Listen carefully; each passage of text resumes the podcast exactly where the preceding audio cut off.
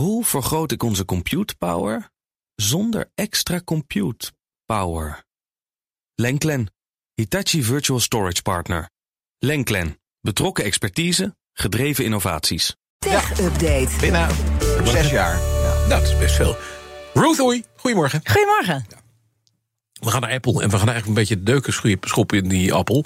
Want de eerste dagen van 2024 verlopen nou niet echt lekker voor, dat, uh, voor het bedrijf. Vorige week verloren ze bijna 4% aan beurswaarde. Toen kwam er namelijk gewoon een uh, ja, verkoopanalyse van Barclays. En nu blijkt dat Apple vorig jaar flink minder iPhones verkocht in China. En dat was nou precies waar meneer Barclays op wees. Hij zei, het gaat niet zo goed met de verkoop van die dingen. Nee, en dit is inderdaad een bevestiging wat natuurlijk al uh, ja, werd gesuggereerd.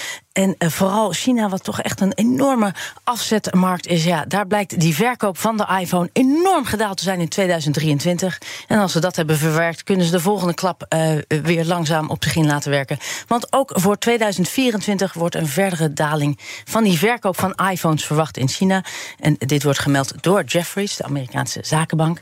En in ieder geval, die iPhone die werd in september gelanceerd. Deed in China niet wat Apple had gehoopt. Verkoop kwam maar traag op gang, waardoor in december een daling was te zien van die verkoop van iPhones in China. Mm -hmm. En als je zou zeggen dat is een trend in heel China, absoluut niet waar. Want de concurrerende verkopers van uh, mobiele telefoons. Doet goed. Die doen het hartstikke goed in China. Juist wel. Ja. Daarin was in december juist wel weer een groei te zien. En dan weten we precies wie er als winnaar uit de bus kwam.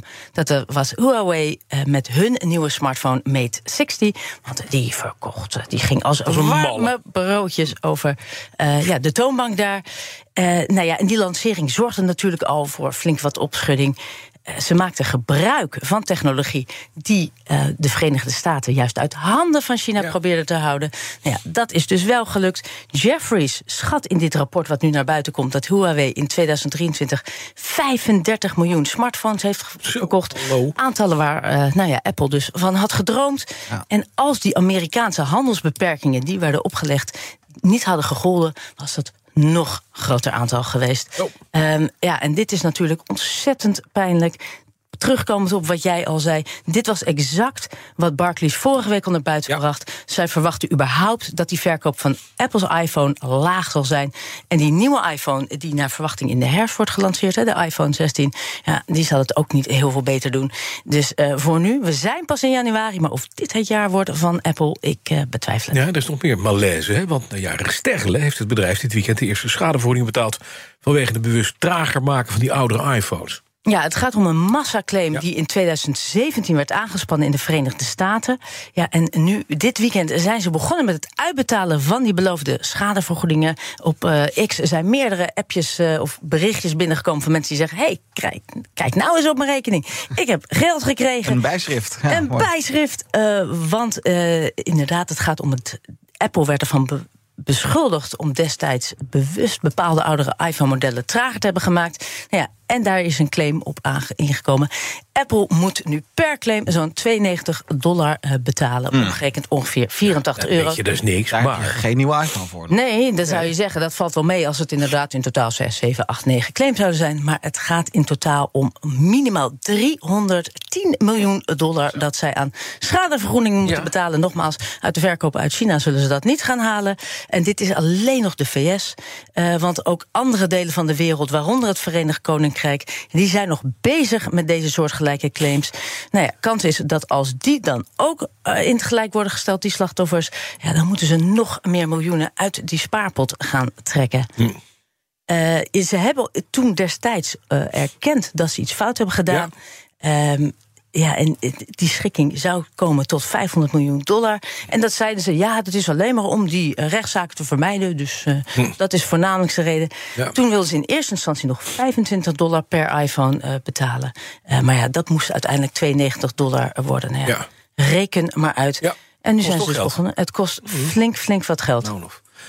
As we speak wordt er in en door Amerika de eerste commerciële lander naar de maan gestuurd. Altijd mooi. Ja, ik wil zeggen, Ja. het is letterlijk, hè, de, de, Ja. de, de tijd waarop zou zijn is 0818. Ja, dat is, eh, nou ja, bijna. Eh, en dat onze tijd, hè. Dus eer- over, over 20 minuten gaat. dat is over Oh, 20 oké, minuten gaat ja. hij. Nogmaals, hè, je Gaan we weet kijken dat, zo meteen, dat is leuk. Ja. ik wilde net zeggen, je weet het nooit helemaal met dit soort dingen. Maar het idee is dat in de komende jaren er weer mensen op de maan moeten rondlopen. En juist daarom heeft de VS ter voorbereiding daarop, eh, ja, die eerste commerciële lander, wordt die zo meteen gelanceerd. Ja. Hij luistert naar de naam Peregrine, Peregrine, en is ontwikkeld door het eh, bedrijf Astrobotic. Wordt gelanceerd vanuit het altijd zonnige Florida. Als alles goed gaat, nogmaals, je weet het nooit helemaal, komt het vaartuig op 23 februari aan op de maan. Eh, eigenlijk zou die al eerder hebben moeten vertrokken, maar eh, tijdens de test waren er problemen met die raket en eh, daardoor. eh, hey, is het nu pas zover? Het is dus een beetje alsof je je caravan alvast vooruit stuurt naar Zuid-Frankrijk. en dan later in deze zomer daar komt.